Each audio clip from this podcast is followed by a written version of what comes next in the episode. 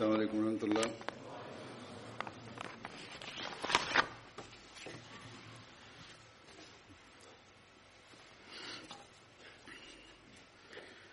أشهد أن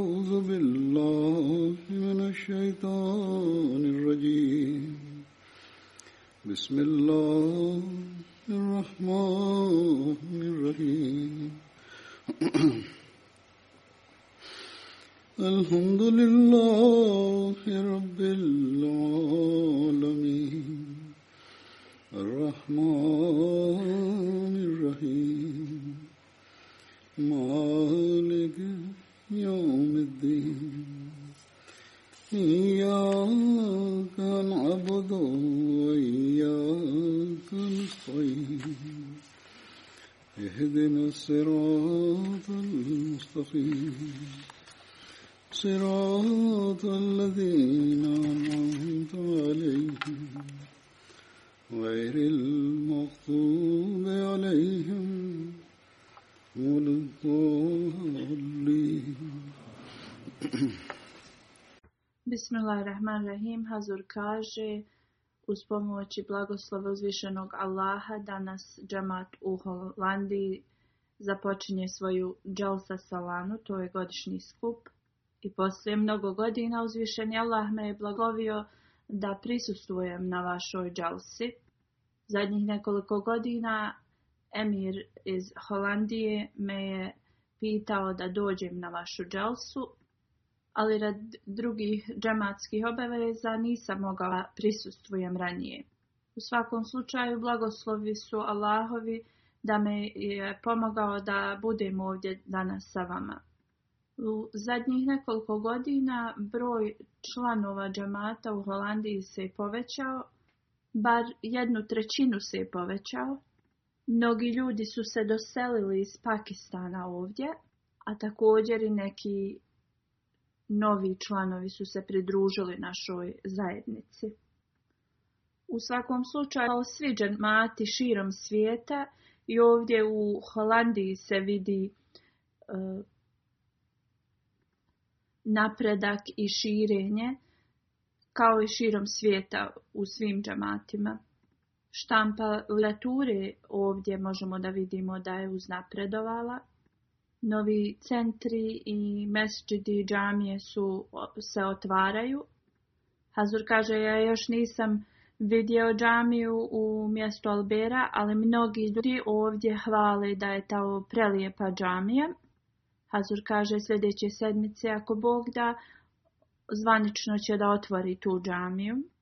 Tu trenutno ta se džamija koristi, namaz se klanjaju u njoj i druge funkcije, ali eto kao zvanično će biti otvorena, da će Hazur otvoriti džamiju zvanično. Azur kaže imati korist od ovih zgrada, od ovih centra, od džamija ili popravljanje džamija. Jedino ćete imati korist od ovih objekata kada ispunite dužnosti i pravila ovih objekata. Svaki Ahmedi koji žive u Holandiji trebaju da analiziraju sebe. Ovo je vrlo važno i trebaju da saznaju koji su to, koje su to dužnosti i pravila prema džamijama i koje su dužnosti i pravila našeg bejata kad damo zakletvu obećano Mesija salamu. Hazur kaže u zadnjih nekoliko godina mnogi ahmedi su se doselili i naselili ovdje i lokalni džemat naravno se proširio. Zašto su se ovi ljudi doselili iz Pakistana? Zbog toga što Ahmedi u Pakistanu nemaju slobodu religije. I Ahmedi radi religije su mučeni, njihova prava se uzimaju, ljudska prava, i samo radi toga zato što su prihvatili imama vremena. Oni su prihvatili njega radi predskazana časnog poslanika sallallahu ve veselem. Jedino zbog toga su ga prihvatili. Nama nije dozvoljeno da kažemo ime Allahovo, niti da klanjamo namaze. Nama se ovo zabranjuje samo radi toga što smo prihvatili i stupili u bejat, zakletvu, sa najvećim i najpredanijim slugom časnog poslanika sallallahu alaihi wasallam. Mi smo stavljeni i da pravimo sastanke u tim mjestima i ne možemo da treniramo svoj narod religiji i učenju religije. Pa ni u svojoj kući ne možemo klanjati namaz prema tom zakonu u Pakistanu kada je kurban bajram, zabranjeno nam je klati kurban, jer prema pravilu zakona i to nam je zabranjeno. A ovo je sve radi toga što takozvanoj ulemi i njihovim sljedbenicima, ako mi ovo radimo, njihovi, njihova osjećanja su povrijeđena. I radi ovoga, ovih uslova mnogi Ahmedi muslimani su se preselili iz Pakistana širom svijeta, da bi imali slobodu religije.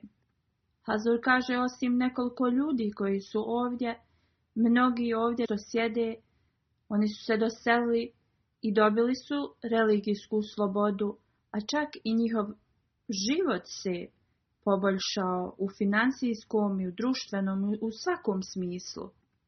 Onda svaki jedi kojeg je Allah oslobodio te muke i patnje i koji ovdje ima slobodu religije svoje i, i načina da praktikuje svoju vjeru, treba još više bude zahvalni uzvišenom Allahu. I trebaju da ispunjavaju sva pravila bejata sa obećanim Mesijom a.s. I da žurno i naporno rade na tome. Svoje duhovno i moralno i mentalno stanje, vjersko stanje trebaju da rade na tome da, da poboljšaju ga što više. I ne trebaju da budu sretni samo radi toga što su dobili slobodu. I da budu sretni da mogu slobodno da praktikuju svoju vjeru. Ali ako oni ne rade prema naređenjima uzvišenog Allaha i ako u sebi ne prouzrukujemo bogobojazne promjene, da budemo bogobojazni i ne trudimo se da postignemo to i da pokazujemo ljubav prema našem Allahu i njegovom poslaniku sallallahu salam, onda koje su koristi ove slobode koju ste dobili? Koje su koristi da dođete na ovu Ili da pravite džamije? Su koristi od njih? Istinske koristi mi ćemo da dobijemo samo onda kada ispunimo sve uvjete bejata, zaklitvi, lojalnosti. Obećani Mesija alaihi salam kada je najavio u vezi Džalsa Salane ovog godišnjeg skupa, kada je dobio dozvolu od uzvišenog Allaha, i to je najavio poslije dozvole kada je dobio od uzvišenog Ahada e, pravi ove skupove, on je započeo ove godišnje sastanke da bi promjena u nama se desila da mi uvijek izaberemo našu religiju, našu vjeru iznad ovog svijeta i ovo svjetskih želja i da imamo puno razumijevanje u vezi naše vjere. A ljubav prema uzvišenom Allahu i njegovom poslaniku, salallahu alaihi vesele, treba da se ulije i, i uđe u naše srce naše duhovno stanje, naše moralno, naše intelektualno stanje treba da se popravi. Obećani Mesija, ali salam objašnjavajući Zidžalsa Salane, kaže, davajući savjet ljudima koji su se pridružili i dali bejat, zakletvu njemu, on kaže, svi vi koji ste dali bejat, zakletvu me, treba da vam bude vrlo jasno Prava svrha vašeg davanja Beata zakletve jeste u tome da ljubav prema ovom svijetu dunjaluku se ugasi u vama. A ljubav prema uzvišenom lahu i časnom poslaniku salalahu ali ve treba da bude najvažnija u našim srcima. I trebamo da budemo takvi da ovaj naš put prema ahiretu ne bude pretežak za nas. Ovdje vidimo jasno da je obećani Mesija Salam rekao kada uzmete, kada date i prihvatite mene, date mi zakletvu. Nemojte da to budu samo vaše riječi. Budite oni ljudi koji su predani svojoj vjeri, a vaša pranost može jedino biti postignuta kada vaša ljubav prema uzvišenom Allahu i njegovom poslaniku sallallahu alejhi ve je veća od bilo išta na ovom svijetu. I zato u setu uvjeta Beata obećani Mesija je stavio da šta je god uzvišeni Allah naredio i šta god je časni poslanik sallallahu alejhi ve rekao, to trebaju da budu naši uvjeti i naš put. I prema ovome, mi trebamo iz toga da crpimo našu uputu. To je naša uputa. I onda će istinski ljub, Božja ljubav biti u našim, našim srcima. I ove dželse, svrha ovih dželsi jeste da godišnje mi se podsjetimo koja je svrha našeg prihvatanja obećanog Mesije. Ovo nije obična stvar. Znači, Ljubav prema dunjaluku, prema ovom svijetu treba da napusti naše srce, a ljubav prema Allahu treba da obuzme naše srce. Ovo traži dosta truda i kada mi damo zakletvu, bejat, onda ovaj trud se mora uraditi da bi ovo postio poslove, biznise koje radimo u nas svakodnevnici. Mi moramo naše namaze staviti iznad toga. Znači, prvo dolazi dužnosti prema uzvišenom Allahu, pa onda ove druge svjetske dužnosti. I što nas god zaustavlja da budemo bliži svome gospodaru, mi moramo to da napustimo. Ako nas naš posao, naši biznisi, trgovina, šta god nas zaustavlja da ispunimo naše dužnosti prema uzvišenom Allahu Đalašanhu, onda da bi ostali u ovoj zajednici obećanog Mesija Alejsalama, mi moramo to da popravimo i da zamijenimo šta je na prvom mjestu. Slično, ego, ova neka ovo svjetska zamišljanja da smo mi važni, neka sebična mišljenja važnosti o sebi, ako nas ovo zaustavlja da ispunjavamo dužnosti pre svome uzvišenom Allahu, onda također ovo moramo da napustimo. A također budite svjesni da nas je uzvišeni Allah, da nam je On naredio da ispunjavamo dužnosti prema njegovim stvorenjima. Znači, ako mi ovo ne ispunjavamo, onda svrha našeg dolaska u ovu zajednicu obećanog Mesije nije ispunjena. Onda je on također spomenuo ljubav prema časnom poslaniku sallallahu alaihi ve Ako naša ljubav prema časnom poslaniku nije iznad svega ovoga na dunjaluku, onda mi nismo postigli svoj cilj. Jer da bi koračali prema uzvijenom Allahu Đalešanhu, jedino možemo to raditi preko našeg, preko učenja časnog poslanika ljubavi prema njemu.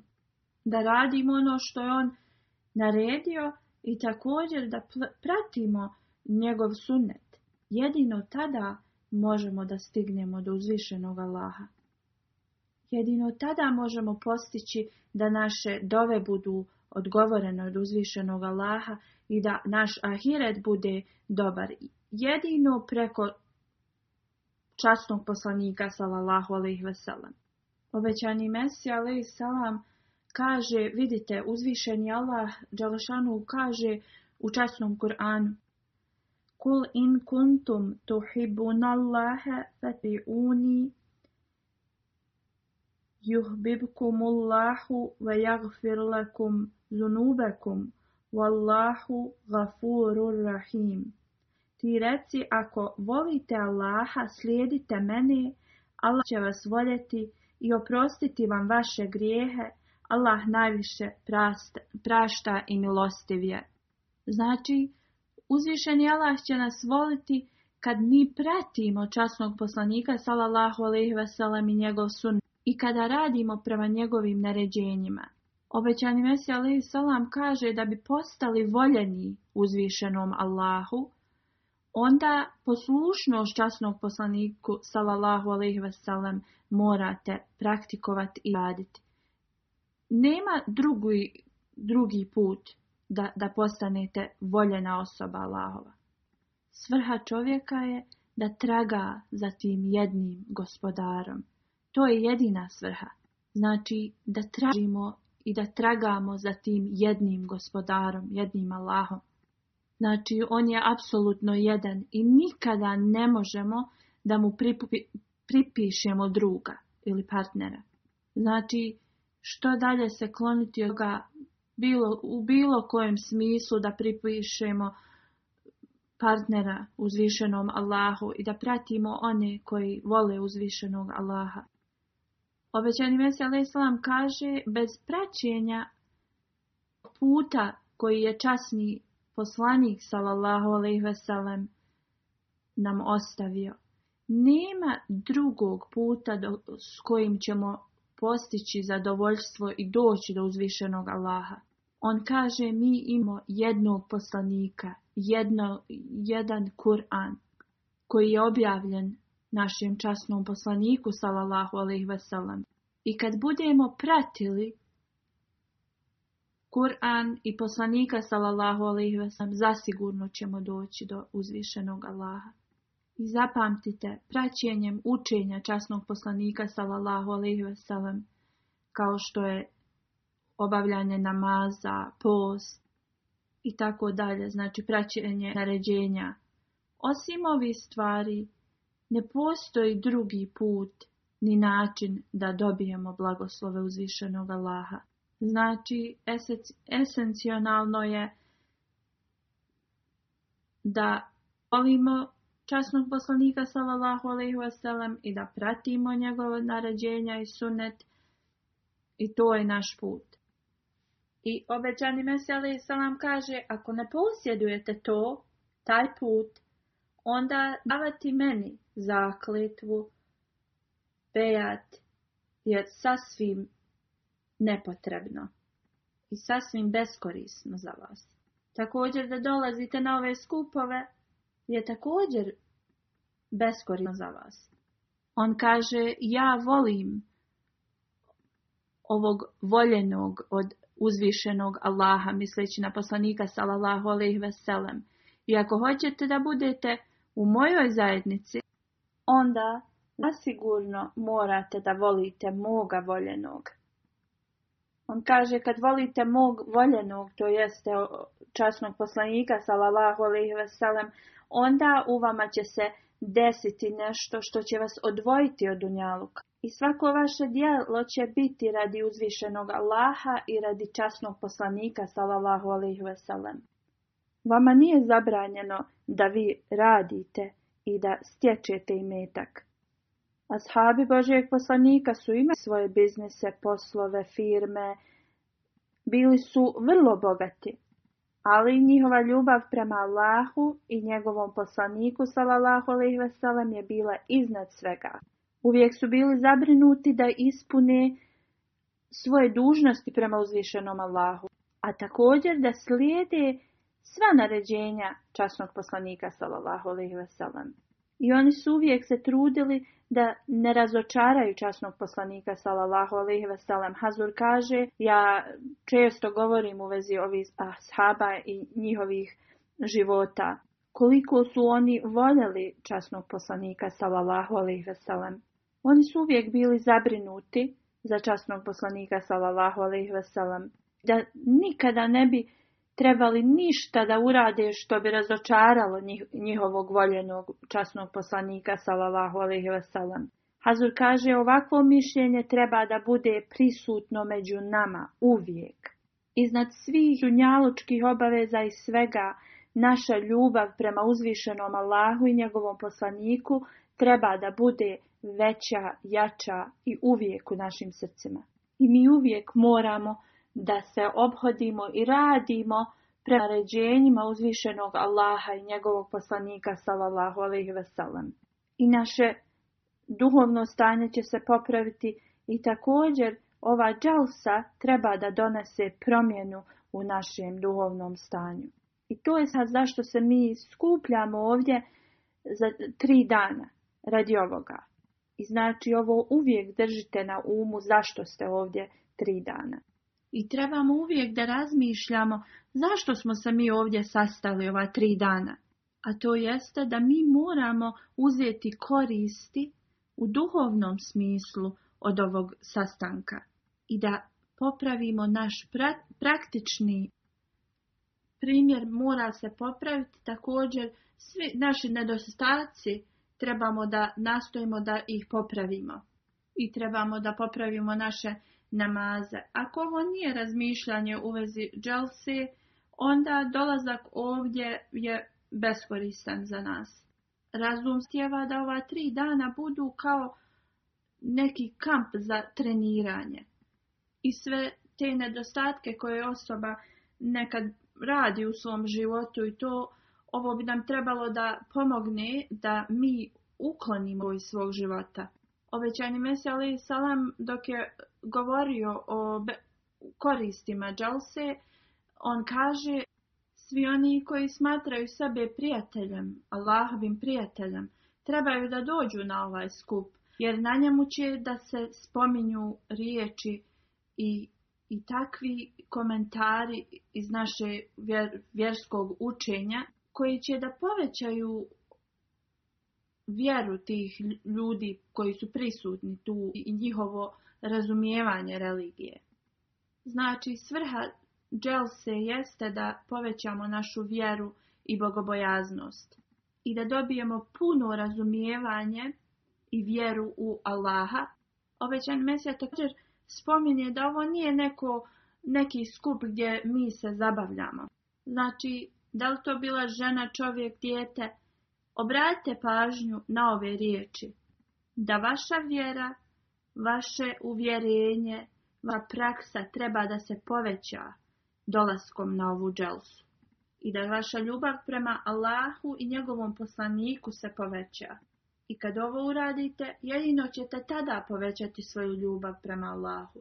I znači kad držimo visko status časnog poslanika salallahu alaihi veselem, jedino tada mi ćemo dobiti taj status visokog vjerovanja. A kako ovo postići? To jeste kad mi imamo totalno razumijevanje naše vjere. Jedino tada ćemo zavoljeti i, i pratiti i biti pobožni.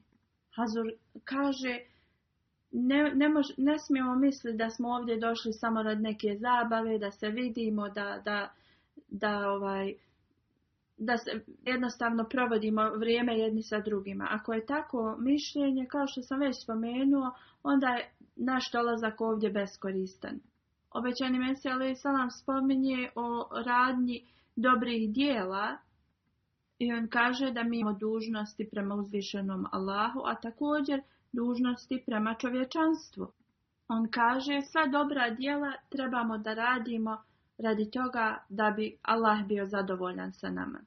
Znači kad radimo dobra djela ne trebamo da imamo na umu ako ja ovo uradim onda ću ja dobiti nešto drugo za to. Prava filozofija od uzvišenog Allaha prema ovim dobrim dijelima jeste u tome da ih mi radimo jednostavno radi uzvišenog Allaha. Da ako mi volimo uzvišenog Allaha, da ćemo onda mi da pratimo njegova naređenja bez ikakvih uvjeta ili nade od nagradi toj. Znači, obranje naši obožavanja, namaza i dobrih dijela, ne trebamo da, držimo, da to radimo samo radi toga što uzvišeni Allah će nas dati nešto u zamjenu. Tačno je da uzvišenja nikada ne ostavlja nijedno dijelo da nas ne nagradi za njega, ali šta istinska vjera traži od nas jeste da mi ne bi trebali ni ta dobra djela da radimo i da onda zahtijevamo nama nešto dobro bude. Mi to moramo da radimo prvo zato što je to naređenje od uzvišenog Allaha, on kaže da je naša vjera kompletna kada mi totalno iz svog razuma, uma, mišljenja mislimo na to ako ja uradim, ovo ću dobiti ili da dobijem u tom smislu. Mi moramo da radimo ono što je Allah naredio. Ako razmišljamo samo na toga da ćemo dobiti nešto, onda naša vjera nije kompletna on opet ponavlja da jeste, to je istina, da Allah Čelešanu nikada neće da, da zanemari vaše dobro djelo. U časnom Kur'anu Allah kaže, zaista oni koji vjeruju čine dobra djela, mi ne, ne gubimo nagradu onih koji čine dobra djela. Znači, to je Allah Čelešanu obeća u časnom Kur'anu. vaša dobra djela, nagrada za to će da, da bude data od, od njega. Ali mi ne trebamo da samo mislimo na tu nagradu kad ih radimo, već trebamo da radimo dobra djela zato što je to Allah naredio nama. Znači istinska vjera, vjerovanje je u da mi radimo ova dobra djela i ne mislimo na nagradu za njih. I znači mi trebamo da pomažemo drugim ljudima, da radimo za njih, ali u smislu da jedino to radimo to što nam je to Allah naredio. Znači, ne gledamo ni na kakvu nagradu, nadoknadu od bilo koga, jednostavno slijedimo sunet časnog poslanika sallallahu alejhi ve i naređenja naše vjere. Da mi dobili i kakvu nagradu od tih ljudi, kad radimo dobro za njih ili ne, to nas ne interesuje a zasigurno Allah će da vas nagradi za ta dobra djela. I kada Allah će to da uradi za nas i on nam je to obećao, onda mi trebamo sa punom srećom, sa, sa velikim trudom da izvršavamo ova naređenja uzvišenog Allaha. A trebamo da se čuvamo i da se klonimo svega onoga što nam je uzvišen Allah naredio da se od toga čuvamo i držimo što dalje. Azur kaže kada se doselimo u ove razvijene zemlje i, i počnemo tu da živimo, neki ljudi počnu da rade vrlo loše stvari koje su zabranjene. Mi trebamo dobro da pazimo na kako se ponašamo i šta radimo. Nekada kada ljudi steknu i snađu se i, i postanu imu, imućni, oni zaborave na svoj život prije koji, koji im je bio težak. I oni se totalno predaju tom dunjalučkom radu i, i kažu ako mi to ne uradimo dobit ćemo veliki gubitak. Ali uzvišen Allah nam je rekao da je on naš opskribivač, da on daje. Ovo vidimo u ovo svjetskim ljudima koji su predani na dunjalučke poslove i to da oni zanemare uzvišenog Allaha, da ne bi ovamo na poslu ili u, u biznisu nešto izgubili. Nažalost, Hazur kaže i neki od nas možemo da vidimo da oni propuštaju svoje namaze radi posla. Kada je vrijeme namaza, ako imaju posao ili nešto, oni ostave svoj namaz da bi to radili. Nekada oni naklanjaju te ili sastave te namaze, a nekada i zaborave totalno na njih. Ali ovo svjetske stvari ne ostavljaju i zaboravljaju. Mi moramo da se čuvamo ovakve prakse. Ili neka tako brzo klanjaju kao samo da ispune taj farz, to, to, tu dužnost i to je to. Kao što sam rekao, ovo nije istinska ljubav prema Allahu. Ovo je samo dokaz ljubavi prema ovom svijetu, a ne prema Allahu. Ako vas je obećani veseli Salam savjetovao da ispunite dužnosti prema tom bejatu, toj zakletvi koju ste uzeli sa njim, onda to trebate da uradite. Obećani veseli Salam nam je rekao, dobro shvatite i razumite da obožavanje uzvišenog Allaha je najvažnija dužnost. Znači, obožavaj uzvišenog Allaha, ali ne samo iz toga zato što, što je naređenje i da vi to izvršite na bilo koji način. To radite sa velikom predanošću i ljubavi prema uzvišenom Allahu. Onda, kad imate iskrenu i pravu ljubav za uzvišenog Allaha, onda ćete zaista obožavati kako treba, a dunjaluk će da postane nevažan. I tako ćete onda istinito i ispravno da pažete ljubav prema Allahu iznad ovog, svijeta. Onda će uzvišeni Allah da podari blagoslove koje vi niste mogli ni da zamislite. Uzvišeni Allah kaže osoba koja je bogobojazna i ima strah od uzvišenog Allaha, ta osoba, toj osobi uzvišeni Allah će da ukloni poteškoće i to će da uradi na način i, i da blagoslove na koje se nikad ne bi nadao. Obećani Mesija Ali vam kaže bogobojaznost je najvažnija stvar i Allah bogobojaznim ljudima on, on njima je uvijek na pomoći i ne da da oni propadnu. I Allah ne stavlja te ljude da oni prose od drugih ljudi. On kaže ja iskreno vjerujem ako osoba voli Allaha i osoba je bogobojazna da Allah će sedam njego generacija posle njega da, da blagoslovi i da za njih da im obskrbu. Osim ako ta osoba nešto uradi, da jednostavno uzme sam sebi te blagoslove. Nasupno uzvišeni Allah se brine za sedam generacija njegovog potomstva poslije. Osoba treba da sve baci u vatru osim jedne stvari, a to je ljubav prema uzvišenom Allahu. Jedini put, jedini način, jedini izvor je tu za nas. A to jeste da dobijete ljubav uzvišenog Allaha a taj izvor je ljubav prema uzvišenom Allahu i njegova ljubav prema nama. Ovo je istina osoba koja je kompletno predana uzvišenom Allahu.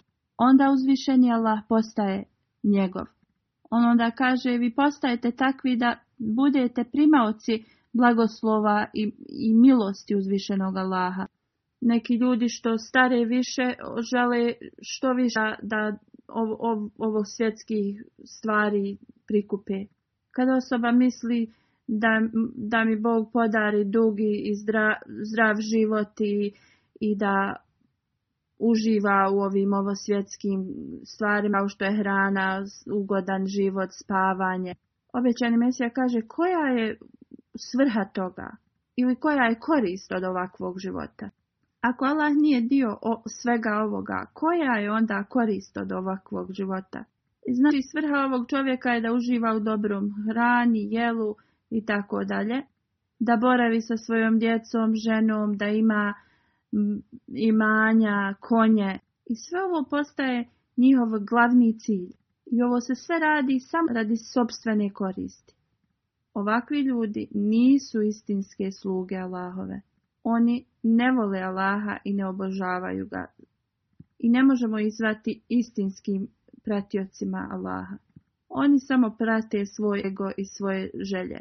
Oni samo misle koliko imanja da imaju kuće, auta i tako dalje. Hazur kaže u starijim danima konji su se davali kao primjer, a sada možemo da damo primjer automobila. Sada ljudi žele da imaju vrlo dobra auta. U redu je, ako nas je Allah blagoslovio s ovim, mi možemo da imamo korist od svega ovoga. Ali da dobijemo ovo, to nije naš cilj. Da postignemo, da imamo. Ali ako ovo postaje cilj za osobu, on, možemo reći da oni obožavaju ove stvari, a ne Allaha. I ovakvi ljudi se ne nazivaju iskrenim obožavaocima Allaha. I znači te osobe su napravili da je njihov cilj sve ove stvari na donjaku. Ali uzvišeni Allah je nama spomenuo koji je glavni cilj ljudi. Kao što je uzvišen Allah spomenuo u Kur'anu ve halektul džinne ve insa illa li A ja nisam stvorio džinove ljude osim da mene obožavaju. I on kaže uzvišen Allah je definitivno odlučio o ovome. I vrlo jasno da jedino, jedino obožavanje uzvišenog Allaha je naš najvažniji cilj. Jedino radi ovoga smo stvoreni. A šta ljudi rade? Totalno nasuprot ovom naređenju. Umjesto ovog cilja, oni imaju svoje druge svrhe i ciljove života. I znači šta oni rade? Umjesto da njihova želja bude Allah, oni, njihova želja za ovim svijetom. Mi trebamo da se bojimo ovakvih stvari. Da budemo zabrinuti kako da ispunimo svrhu našeg stvaranja. Znači, naš cilj nije ovaj, ovaj život. I naš trud ne treba da bude samo da bi ovo svjetske stvari mi prikupili i postigli.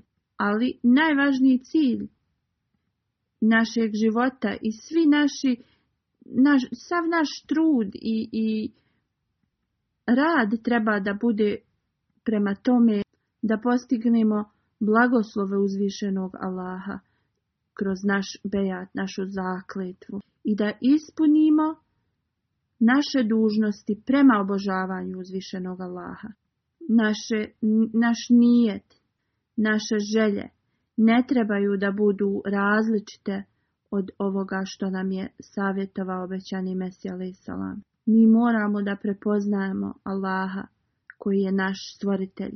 i moramo da ispunimo svrhu našeg stvaranja. A u ovom vremenu uzvišeni Allah je poslao obećanog Mesiju salama. I trebamo da ispunimo svrhu ovoga Obećani Mesija a.s. kaže ja sam poslan da učvrstim vjeru ljudi i da dokažem postojanje uzvišenog Allaha ljudima. Jer stanje prijašnjih nacija je totalno drugačije. Oni smatraju budući život da je kao fantazija i oni smatraju to da je to samo spomenuto, ali da to nije realnost. I možemo da vidimo iz ljudi koliko su oni privezani za ovaj svijet, koliko vjeruju, koliko, koliko su se predali ovom svijetu, to nije, njihovo predanje nije prema uzvišenom Allahu i vjera prema njemu. Oni nekad govore nešto drugačije, ali u njihovom srcu ljubav prema ovom svijetu je veća i ovo pokazuju i svojim dijelima. On kaže kada je ljubav prema Allahu u, u narodu se smanjila, Allah je poslao Siju da bi povećao tu ljubav. On kaže ovo isto stanje u moje vrijeme. On kaže ja sam poslan da ljubav prema uzvišenom Allahu poveća se u srcima ljudi. I naša je dužnost da bi ispunili Bejat zakletvu obećano Mesiji, da povećamo ljubav prema uzvišenom Allahu i njegovom jedinstvu i da zaboravimo ljubav prema Dunjaluku, a povećamo ljubav prema uzvišenom Allahu i širimo je drugima. I sa našim pobožnim promjenama trebamo da dovedemo cijelo čovečanstvo blizu Allaha. Sada svijet negira Allahovo postojanje. Iske godine veliki broj ljudi postaju ateisti i napuštaju religiju. U kršćanstvu i drugim religijama također i muslimani ovo rade. Onda kad ovi ljudi negiraju postojanje Allaha, onda mi kada postignemo ljubav prema Allahu u našim srcima, mi možemo da govorim ovim ljudima koji su daleko od njega o njegovom postojanju. Jedino tada ćemo ispuniti svrhu ove džalse. Jedino tada ćemo ispuniti naš bejat, zakletvu koju smo dali obećano Mesija i Salamu. Mi moramo među svojim prijateljima, svojom porodcom, potomstvom svojim slti u njihovim srcima ljubav prema uzvišenom Allahu i časnom poslaniku sallallahu alejhi ve sellem. I moramo uložiti dosta truda za ovo. I kao što sam rekao, moramo reći čovječanstvu o postojanju uzvišenog Allaha. Kada uđemo u bejat obećanog Mesija i salama i damo mu zakletvu, mi moramo da nastavimo rad u njegovoj misiji i da je širimo dalje i dalje. To su naše dužnosti. Da nas uzvišeni Allah pomogne da ovo radimo. Ova tri dana dželse pokušajte da podignete standarde svoga obožavanja, svojih namaza i onda neka to postane svakodnevnica vaša. Mi moramo, provodimo svoje dane u povećavanju ljubavi prema uzvišenom Allahu. A ljubav prema svjetskim željama i, i ovom svijetu, to ne treba da bude dominantno u našim životima. I zapamtite, ove stvari se ne mogu postići bez blagoslova uzvišenog Allaha. I da bi postigli blagoslove uzvišenog Allaha, velika je potreba da mu se molimo. Da nam uzvišeni Allah pomogne da ovo i radimo.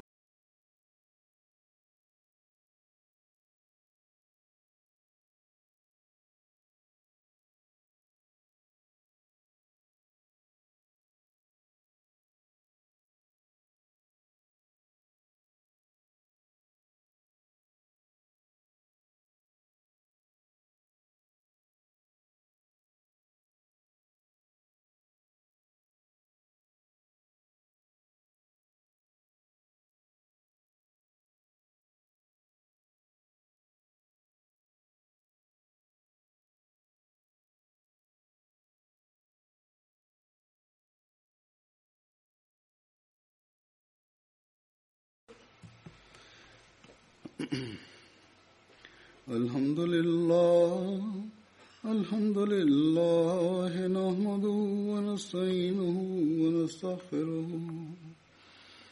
ونؤمن به ونتوكل عليه ونعوذ بالله من شرور انفسنا ومن سيئات اعمالنا من يهده الله فلا مضل له ومن يضلل فلا هادي له ونشهد ان لا اله الا الله ونشهد ان محمدا عبده ورسوله عباد الله رحمكم الله إن الله يأمر بالعدل واللسان وإيتاء ذي القربى وينهى عن الفحشاء والمنكر والبغي يعظكم لعلكم تذكرون اذكروا الله يذكركم وادعوه يستجب لكم ولذكر الله أكبر